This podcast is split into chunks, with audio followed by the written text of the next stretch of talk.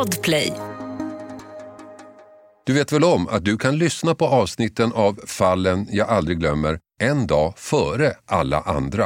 Redan på torsdagar kan du lyssna på podden på podplay.se eller i appen Podplay. Och naturligtvis är det gratis. Det är precis som domstolen skriver också. Alltså det finns ju alla ting i världen för vittnet att lägga last allt på den andra för att slippa bli dömd själv. Och då öppnade jag bilen och började springa. Jag visste inte om det var någon som var efter oss. Jag kunde inte svara på det. Jag lyssnade på vad han sa. Och sen var jag i en... Jag var så jävla rädd. Kan nästan tro att det är film ibland, men det är på riktigt och just att man vet att det får sådana konsekvenser som det kommer få. Utan den här infiltrationen så hade man aldrig klarat upp den här brottsligheten. Vi var ju fast beslutna om att inte sluta leta förrän vi hade hittat honom. Man lyckades rädda två barn från pågående övergrepp. Så springer de här misstänkta in i skogen och gör sig av med i stort sett alla sina kläder. Fallen jag aldrig glömmer. Podden som inte handlar om förövarna, som inte handlar om brottsoffer, utan som handlar om de som gjorde sitt jobb och löste brottet. Julmordet i Katrineholm.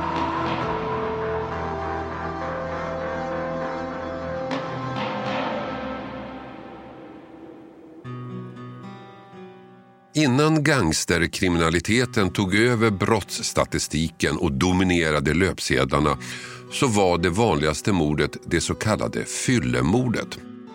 Två eller flera män sitter och super, någonting går snett och det slutar med att en av dem blir nedstucken. Några män och en flaska, sen handlar det om vem som hinner först till kniven som min kollega och mentor Brynolf Wendt lite cyniskt formulerade det. Men så var det. Inga omfattande utredningar, inga tekniska analyser, inga mobiltelefonspårningar. Offret fanns där, gärningsmannen också. Han som kom först till kniven. Det kom att kallas julmordet i Katrineholm, det som hände den 21 december 2020. Men med den titeln så låter det kanske lite mer planerat, lite mer avancerat än det var. För det var ett fyllemord. Två män, ett lik och en kniv. Men två saker stack ut. För det första, det var ett ovanligt bestialiskt mord. Och för det andra, trots att det såg ut som att det skulle bli ganska lätt att klara upp så kom det att ta flera månader. För juridik handlar inte alltid om att avslöja lögner. Ibland är det sanningen som måste bekräftas. Det börjar med att Ulla i Endeboll, tre mil söder om Katrineholm, är ute och går med sin väninna som de brukar göra varje dag. Vid tiden på förmiddagen kommer de fram till en gångbro och ser då en övergiven bil på gångvägen nedkörd i ett dike. Det ser mystiskt ut, någonting är konstigt. Det känner Ulla och ringer polisen. Varken hon eller väninnan går fram utan väntar till patrullen kommer. Det var en ganska lugn dag så polisbilen kommer ganska fort till platsen. Och då har två kvinnor till dykt upp. Det visar sig att den ena kvinnan är ägare till bilen och hon berättar för poliserna att hon lånat ut den till sin bror Tommy. En av poliserna går fram till bilen i tron att den är stulen och kikar in. Nycklarna sitter fortfarande i tändningslåset. Passagerarsätet har en stor röd fläck och i baksätet ligger en jacka och en kraschad telefon. Han går runt bilen till bagageluckan och öppnar den och får en chock. I bagagerummet ligger en död man i fosterställning. Först tror polisen att personen sover men inser snart att kroppen är iskall. Och första tanken är att det är bilägarens bror, han som lånat bilen som ligger där. Så polismannen tar en bild med sin telefon på en tatuering på kroppen och går upp till kvinnan och visar den för henne. Nej, det är inte hennes bror. Det är en annan man och en mordutredning drar igång. Kroppen tas till rättsmedicinska laboratoriet där den genomgår en obduktion. Och det är väldigt märkliga skador som uppdagas. Mannen är knivhuggen flera gånger och alla hugg har skett på och vid hans könsorgan. Någon har besinningslöst attackerat hans underliv, helt enkelt könsstympat honom av någon anledning. Rättsläkaren kan också konstatera att mannen inte dött av attacken. Han levde när mördaren placerade honom i bagageutrymmet, stängde luckan och lämnade honom där. Och där låg han tills han så småningom dog. Antingen av blodförlusten eller så kvävdes han helt enkelt till döds. Rättsläkaren kunde inte riktigt fastställa vilket som inträffade först. Offrets identitet var ganska enkelt att fastställa. Han hette Robin, han var i 30-årsåldern och väl känd av polisen, liksom hans bästa kompisar Tommy och Freddy. Och några korta förhör bort visste polisen att de här tre männen hängt med varandra de senaste dagarna och att det var de som skulle använda bilen. Så beslutet är enkelt. De två ska gripas. En patrull skickas till Tommys bostad. Men ibland är livet lite märkligt för just då när det här beslutet fattas är inte Tommy hemma. Han sitter tillsammans med kompisen Freddy hemma hos Ulla och dricker kaffe. De har ingen aning om att det var hon som hittade bilen. Hon har ingen aning om att det är de här två som körde bilen. De har nämligen flytt genom skogen hela dagen och på kvällen ringt på hos någon för att få låna telefonen och denna någon råkade bli just Ulla. Hon lånar inte bara ut telefonen, hon bjuder på kaffe också medan de två männen väntar på att deras skjuts ska komma. Så där sitter de och småpratar utan någon aning om att de alla tre är inblandade i samma mordutredning som vittne och som förövare. Freddys pappa hämtar upp de två killarna och lämnar av dem hos Tommy men då kommer polisen och möter dem och plockar upp killarna. Det första förhöret blir lite förvirrande. Som ofta när det gäller fyllemord haltar logiken. De båda sitter i varsitt rum. De medger att de har varit med i bilen men att det inte är de som dödade offret. Det finns en fjärde person med och det var han som högg ihjäl Robin. Några dagar senare kommer åklagare Claes Engdahl in i bilden. Det är han som får ärendet och jobbet att driva det framåt. Jag kom in i utredningen när två personer redan var häktade. Det här skedde ju 21 december. Häktningen var 23 december. Då hade jag semester, sen kom jag in i det här. I mellandagarna när jag började jobba igen så fick jag ärendet. Så då var redan två personer häktade i ärendet. Vad fick du för information? Vad fick du veta? Jag fick ju veta att en person anträffats död i en personbil och att eh, de här två personerna som var häktade hade åkt i den här bilen tillsammans med offret och att de kände varandra. Och sedan fick jag viss information hur skadebilden såg ut. Mm, viss information? Ja, inte all information då. Och vid gripandet så berättade ju de två samma historia. En historia som gick ut på att båda var oskyldiga. Den skilde sig eh, extremt mycket. Det var ju att de här tre personerna, alltså två misstänkta vid tillfället, offret och en fjärde person var i bilen. Och det var den här fjärde personen som helt plötsligt började attackera offret. Var det en berättelse som båda berättade? Den berättelsen berättade båda, i vart fall i det första förhöret med båda två. Så den hade de ju på något sätt pratat ihop sig om.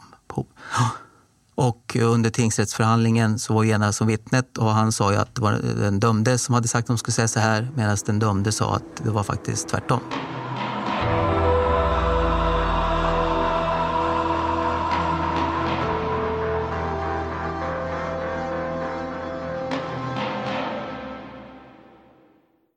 Den här veckan har vi ett betalt samarbete med Hello Fresh. Världens ledande leverantör av matkassar hem till dig.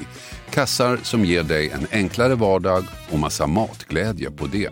Nu kan du som lyssnar få extra bra pris. Med koden FRESHFALLEN kan du få upp till 1359 kronors rabatt. Jag har testat flera matkassar och det är två saker som jag tycker gör Hello Fresh extra bra. Dels förstås att jag slipper planera mat varje dag. Menyerna finns redan där. Men också för att man får precis den mängd ingredienser man behöver. Det blir inte massa saker över i skafferiet. Inget matsvinn, inga bortslösade pengar. Och sen får man ju matglädje förstås, koll på budgeten och enklare vardag. Och också möjligheten att testa nya smaker med recept från hela världen. Allt är väldigt enkelt att laga. Instruktionerna är glasklara. Så vill du få en enklare vardag, minska matsvinnet och testa nya spännande smaker. Gå in då på hellofresh.se och använd koden FRESHFALLEN. Den ger dig upp till 1359 kronors rabatt på dina fem första kassar. Plus fri frakt på första matkassen om du inte provat HelloFresh förut.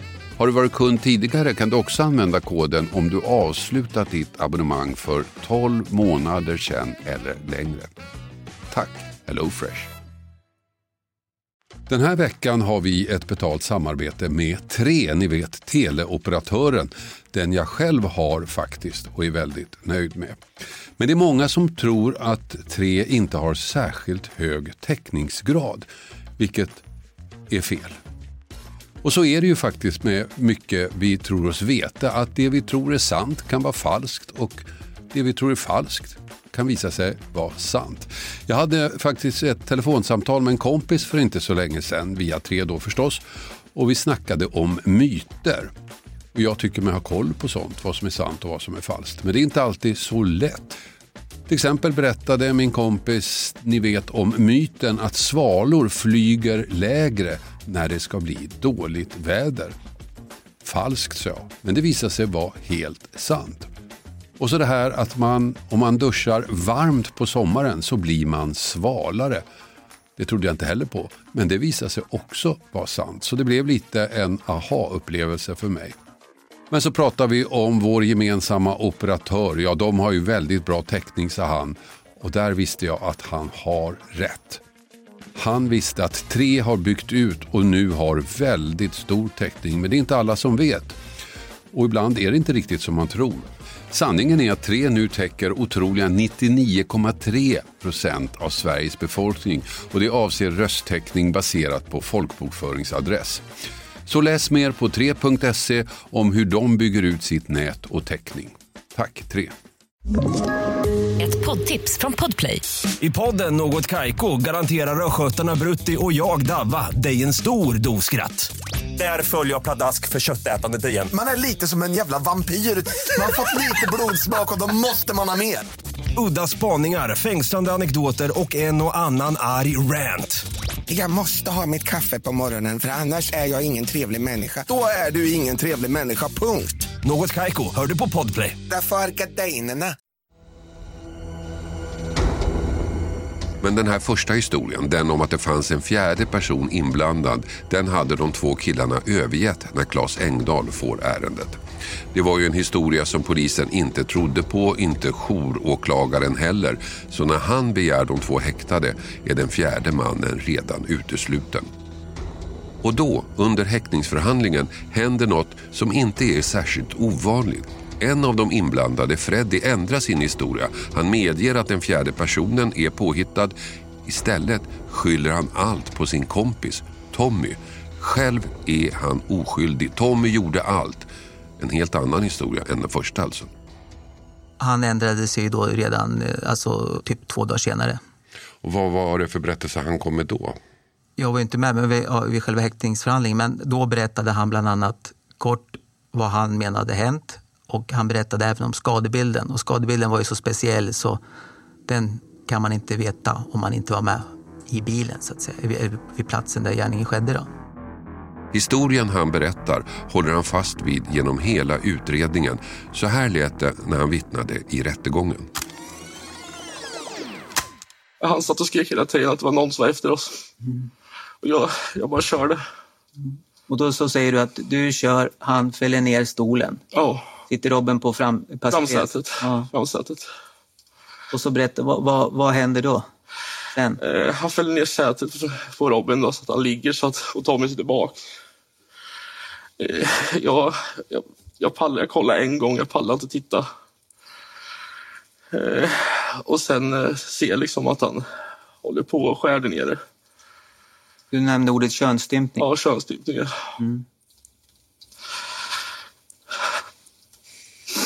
Och han, sen åker vi vägen upp mot eh, skogsvägen, bakvägen till Stasjö. Eh, en grusväg som kommer ut i Tintomas rastplats i Stasjö.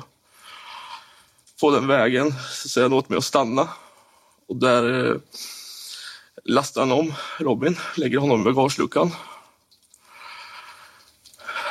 Jag visste inte vad jag skulle göra, jag bara stod där och glodde. Det är så jävla svårt det. Sen han har lastat av, lastat om Robin och lagt i bagageluckan. Sen åt mig att köra. Jag gjorde bara som han sa. Eh, så fortsätter vi köra. Och så säger han helt plötsligt att vi måste bryta av telefonerna för vi kan vara spårade på telefonerna. Och jag vet inte om det var jag eller Tommy som bröt av min telefon. Men Tommy kastade sig ut, min hittades i bilen. Eh, så fortsätter vi mot eh, Endebol då. Där eh, han sitter och säger hela, hela vägen att någon är efter oss och jag bara körde och körde. Sen efter det så korsar vi 55an då. Kör över där och så tar vägen slut där borta och då kör jag i diket.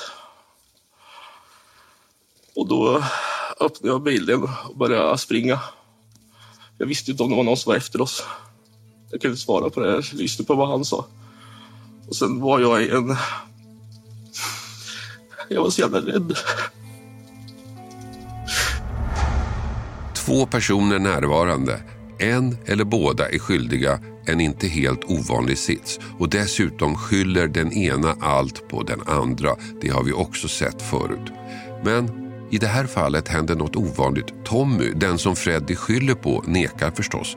Men han skyller inte tillbaka. Han anklagar inte Freddy. Hans historia är annorlunda.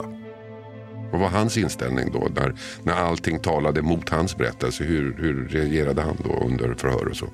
Ja, men han stod ju fast vid sin berättelse och att, då, att hans kamrat då hittade på. Så här lät det i rättegången när Tommy berättade sin version av vad som hänt. På den här färden så går det väldigt fort. Och sen plötsligt så ropar Freddy att det svänger i en kurva och jag kommer ganska fort, som sagt tappar typ kontrollen över bilen. Och i det här skedet så råkar jag skära Robin i benet när bilen när jag vill på att köra ner i diket i princip. Eh, så jag lämnar bak kniven till Freddy för att det liksom, det höll på att gå så illa som det gjorde. Upptäcker efter en stund att Robin blöder massor. Så jag säger till Freddy att han ska försöka stoppa blödningen med något, på något sätt. Eh, och då säger jag att han ska ta bältet eller någonting eller vad fan som helst och bara dra åt. Så han böjer sig fram och börjar hålla på och greja. Och jag fortsätter köra. Sen åker vi där. Eh, sen stannar jag på en ficka på vänster sida av vägen eh, för att vi ska liksom försöka göra något åt blödningen och byta förare och liksom försöka få ordning på det. Och då kommer det en bil eh, mötande som bromsar in och vänder och då får jag panik och gasar iväg. Sen så går det bara färden hela den här vägen som jag har beskrivit tidigare. Eh, på den här vägen. Sen helt plötsligt så har det gått så långt så att vi liksom, då stannar jag till på, på någon avsticksväg typ. Där vi ska byta förare lite snabbt. Eh, och jag hoppar ut och hoppar in i bak, vänster bak. Eh, och då upptäcker jag att Freddy drar ner brallorna på Robin typ framme. Jag tänker inte mer på det här mer än att han ska väl försöka stoppa något på blödningen på något sätt. Och sen åker vi iväg igen i full fart. Jag, jag kommer ihåg att vi, liksom, att vi stannar någonstans och knäcker telefonerna och kastar dem för att vi får för oss att vi liksom spårade via telefonerna på något sätt. Eh, och sen så fortsätter vi åka. Eh, och vi upplever båda två att vi jagade på den här färden. Och vi sicksackar. Vi kommer fram till en väg, riksväg 55 tror jag den heter. Och där sicksackar Fred i full fart genom alla bilar som kommer. Eh, och sen plötsligt så säger han bara att jag, jag kör ner bilen i diket här, jag lägger den här. Och sen hoppar vi ur bilen och springer därifrån. Då upplever jag att Robin fortfarande sitter fram. Eh, men eftersom att jag jagade av panik så jag springer bara därifrån. Ja, och sen så springer vi liksom in i skogen där och gömmer oss liksom. Två misstänkta, två historier, så olika att bara en av dem kan vara sann. Eller så är båda lögn. Och det här blir utmaningen för utredarna. Hitta sanningen, hitta bevisen, spåren, indicierna som stödjer någon av berättelserna. Alltså, svårigheten är ju att det bara var de här tre personerna i bilen. En är död och eh, ganska snart kommer vi fram till att någon av de här har gjort det, eller båda har gjort det tillsammans, då, samförstånd som man säger. Och sedan fick ju den tekniska utredningen leda till då hur vi skulle gå vidare hela tiden. Då. Vad trodde du då i, så här i början av utredningen? Nej, så man, eh, ska säga, jag trodde ingenting om man säger så. Då, utan, eh... Men jag kan tänka mig att arbetet går ut på att försöka klarlägga vem av de två är skyldiga eller om båda är skyldiga. Ja, det var det det gick ut på hela tiden. Hela utredningen. För ganska snabbt kommer vi fram till att utredningen fram till polisen att eh, någon ytterligare person fanns ju inte med. Och det finns ju inga vittnen så att säga mer. Utan det var de här tre personerna i bilen och hur, vad är det som har hänt. Tommys berättelse, att han knivhuggit offret en gång i benet och sen lämnat honom levande i bilen, den berättelsen kan ju avfärdas med en gång. Men Freddys berättelse då? Håller den? Det blir fokus för utredarna. Detalj efter detalj analyseras. Till exempel blodet i bilen. Och sedan så när man då fick analys, och det var framförallt, eller framförallt, det var, en av delarna var ju blodbildsanalysen. Det finns ju poliser som är experter på att tolka blod. Och då gick ju de igenom bilen och då, då kom de fram till ja, vad de, alltså hur, var blodet fanns och vävnadsrester fanns. Att det, det, det, stämde väl överens med den berättelsen som en av de misstänkta hade berättat om. Blodet talade alltså för Freddys version. Det gjordes också rekonstruktioner. Men kunde ni dra några slutsatser av rekonstruktionerna om trovärdigheten i deras berättelse? Ja, det kunde man väl göra på så sätt att jag menar ju att dens uppgifter de blev alltså mindre troliga mot den, jämför man då den rekonstruktionen mot den tekniska bevisning vi hade. Så då hängde inte ihop? Nej, det hängde inte ihop menar jag. Medan den andra killens hängde, hängde ihop? Ja, den styrktes ju upp av hans egen berättelse och det, han, han lämnade ju vissa andra detaljer och, och, hur de hade gått och vad som hade hänt och så. Och sen stämde ju den berättelsen till stor del med själva den, just den blodbildsanalys som jag gjort. Då. Precis hur man satt i bilen och liksom hur Rekonstruktionerna, även de talade för Freddys version. Han hade ju också berättat att en tång körts ner i halsen på offret, vilket rättsläkaren bekräftade. Varför skulle han berätta det om han var skyldig? Det var väl i så fall en detalj att hålla tyst om, ansåg utredarna. Liksom Freddy också sagt att Tommy hade vantar på sig. Också det en detalj som kom att bli viktig. De stoppar ju bilen på ett visst ställe, sen springer de här misstänkta ifrån bilen och in i skogen och gör sig av med i stort sett alla sina kläder och då bland annat ett par vantar. Och eh, sedan då när en av de misstänkta börjar då berätta i förhör och då talar han om det sker ju även att en vandring, han eh, är ute och går med polisen och talar om då hur de har gått ungefär och då pekar han ju ut hur de har gått och då hittas ett par vantar. Och på en av de här vantarna då så anträffas de misstänkta eller offrets blod på och eh, han berättade ju då för att det var den andra personen som hade haft de här vantarna.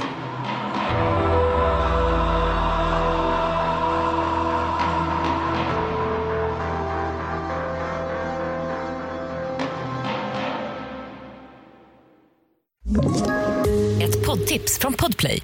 I podden Något Kaiko garanterar östgötarna Brutti och jag, Davva, dig en stor dos skratt. Där följer jag pladask för köttätandet igen. Man är lite som en jävla vampyr. Man har fått lite blodsmak och då måste man ha mer. Udda spaningar, fängslande anekdoter och en och annan arg rant. Jag måste ha mitt kaffe på morgonen för annars är jag ingen trevlig människa. Då är du ingen trevlig människa, punkt. Något kajko, hör du på podplay. Därför är gardinerna. Ja, varför skulle Freddy berätta om vantarna och till och med hjälpa till att leta efter dem om han var mördaren? Då hade han ju alla skäl att försöka dölja den detaljen.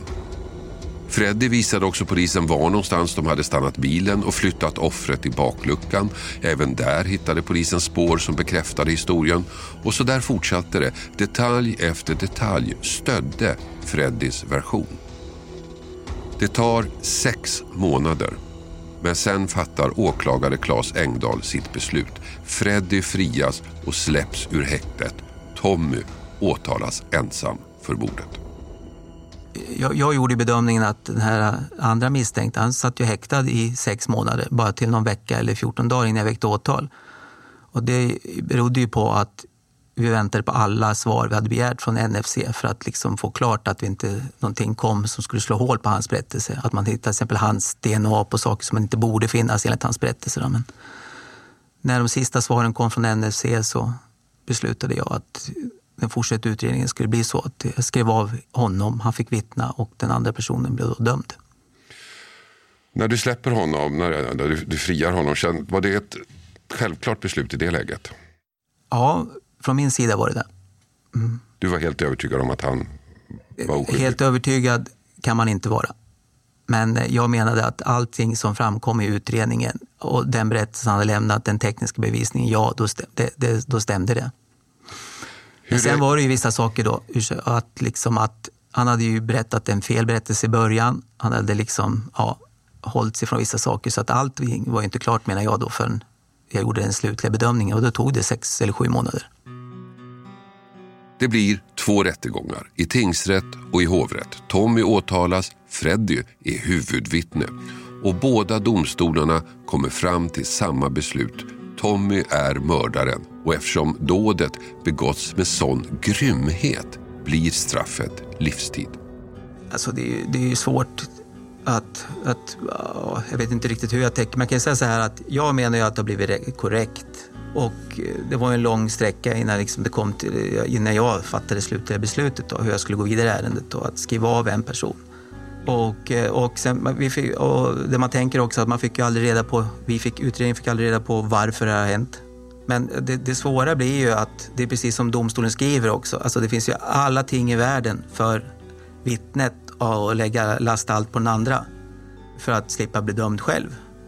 Så att det var ju det då, eftersom man inte hade någon övrig bevisning mer än hans berättelse. Och det är ju den berättelse som läggs till grund för både tingsrättsdomen och hovrättsdomen. Att de skriver ju att det är detaljerat och bekräftat och, och hans uppgifter han lämnar. Då, så att det är ju det som eh, jag tänkte mest på under utredningen och efteråt också. Då, att, det var det som var er utmaning, att utifrån händelseförloppet ta reda på vad var det som hände egentligen, vem ja, var skyldig? Ja, för att det, och det kommer vi snabbt fram till, någon av de här två har gjort det, eller båda har gjort det tillsammans.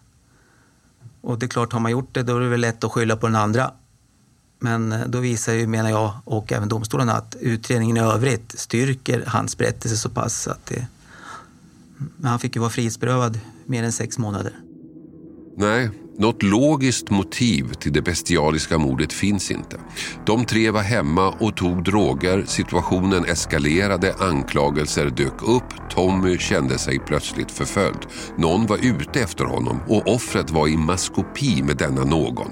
En dimmig föreställningsvärld utvecklades allt mer. Något motiv och sånt, det, det vet vi ju inte. Men alltså en förklaring är ju att de är ju hemma hos den dömde och sen lämnar de bostaden. Och anledningen att de lämnar det är för att de tror att det ska komma personer dit som ska pressa dem på pengar. Och i vart fall eh, den dömde tror att man är förföljd. Och det nämns ju, och det vet vi inte, men det nämns ju från vittnet att det ska finnas ett chip inopererat, eller ja, i, på det stället då där man då eh, åsamkar de värsta skadorna. Det är någon slags föreställningsvärld om det. Ja, att man blir spårade. Att, så att de som eh, åker efter dem, söker dem, har ett chip då på offret. Så att, men det är bara ett som sägs, alltså, det vet vi ju inte. Då, men... Ja, offret skulle alltså ha ett datachip inopererad i sitt könsorgan. Ett chip som gör att förföljarna kan spåra dem.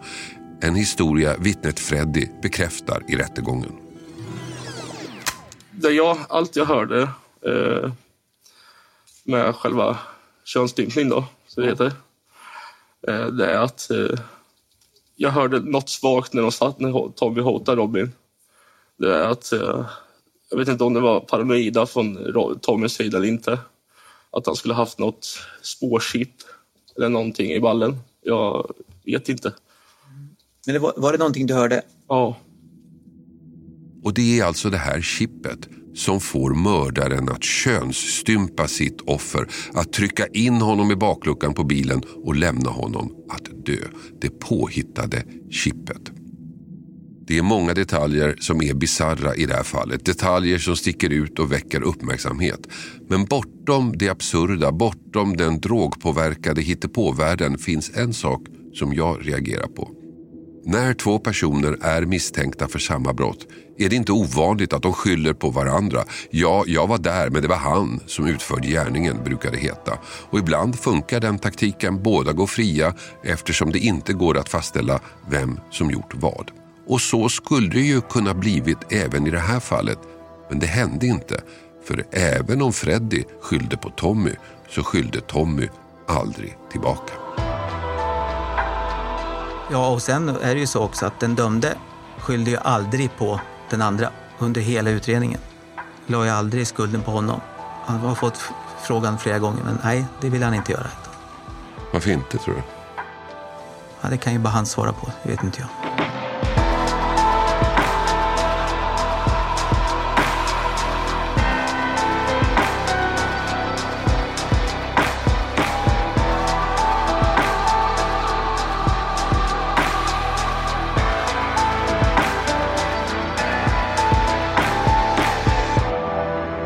Du har hört podden Fallen jag aldrig glömmer. Klippning David Davva Persson. Och jag heter Hasse Aro. Du vet väl om att du kan lyssna på avsnitten av Fallen jag aldrig glömmer en dag före alla andra. Redan på torsdagar kan du lyssna på podden på podplay.se eller i appen Podplay. Och naturligtvis är det gratis. Podplay, en del av Power ett poddtips från Podplay. I podden Något Kaiko garanterar östgötarna Brutti och jag, Davva, dig en stor dos skratt. Där följer jag pladask för köttätandet igen. Man är lite som en jävla vampyr. Man har fått lite blodsmak och då måste man ha mer. Udda spaningar, fängslande anekdoter och en och annan arg rant. Jag måste ha mitt kaffe på morgonen för annars är jag ingen trevlig människa. Då är du ingen trevlig människa, punkt. Något Kaiko, hör du på Podplay. Därför arkadeinerna.